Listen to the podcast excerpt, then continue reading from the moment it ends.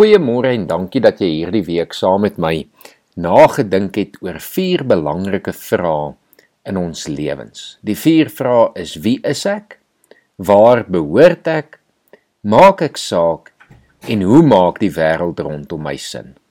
En indien ons vanoggend die antwoorde op hierdie vier vrae saamvoeg, vind ons ons doel en roeping waarvoor ons hier op aarde moet leef.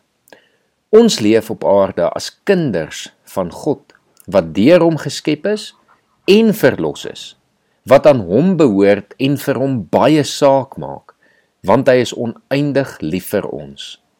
Dit is hy wat ons 'n spesifieke rol in die liggaam van Christus, die kerk gegee het toe hy ons ook deel gemaak het en ingevoeg het in sy huisgesin. Dit sodat ons ook aan mekaar kan behoort en saam met mekaar kan saamwerk. Ons werk saam in hierdie gebroke wêreld om die wat nog verlore is te red. Die seer en die stikkende plekke daar waar ons kan gesond te maak en te laat genees. En so bou ons aan God se koninkryk in afwagting dat hy weer wanneer hy kom alles nuut sal maak.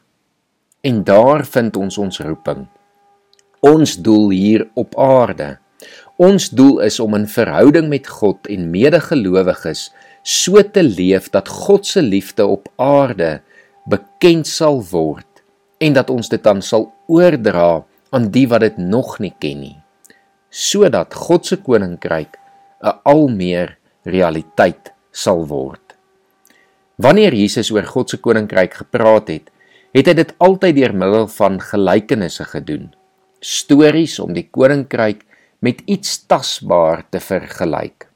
Indien ons die gelykenisse lees, sien ons in elke gelykenis dan iets van God se koninkryk raak. En wanneer ons dit saamvoeg, dan sien ons 'n prentjie van hoe God se koninkryk behoort te funksioneer. Dit is 'n skat waarvoor ons ons hele lewe behoort te gee.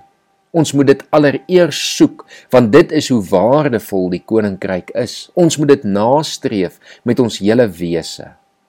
Dit is 'n pa wat sy seun vergewe en terugneem in sy huis. Dit is soms 'n klein mosterdsaadjie wat 'n reuse impak in iemand se lewe maak wanneer hulle met liefde en respek behandel word, wanneer hulle kos gegee word of besoek word. Dit is gasvryheid vir wanneer vreemdelinge by jou opdaag op soek na iets om te eet. Dit is vergifnis, soms 7 maal 70 keer. Dit is gebed en smeking sonder ophou na God se wil. Dit is die verkondiging van die evangelie soos 'n saaier wat saad saai in mense se lewe in die hoop dat dit sal ontkiem. Dit is om te soek wie verlore is om op te daag gereed vir 'n fees om saam te kan feesvier. Dit is om vir mekaar om te gee, mekaar te versorg. Dit is vertroosting vir die wat hartseer is, geregtigheid vir die wat daarna streef. Dit is barmhartigheid, liefde en vrede. Dit is 'n verandering van jou en my harte sodat ons al meer soos God sal word en sal optree. Mag jy vandag in God se koninkryk gaan leef en sy koninkryk verander gaan sigbaar maak. Kom ons bid saam.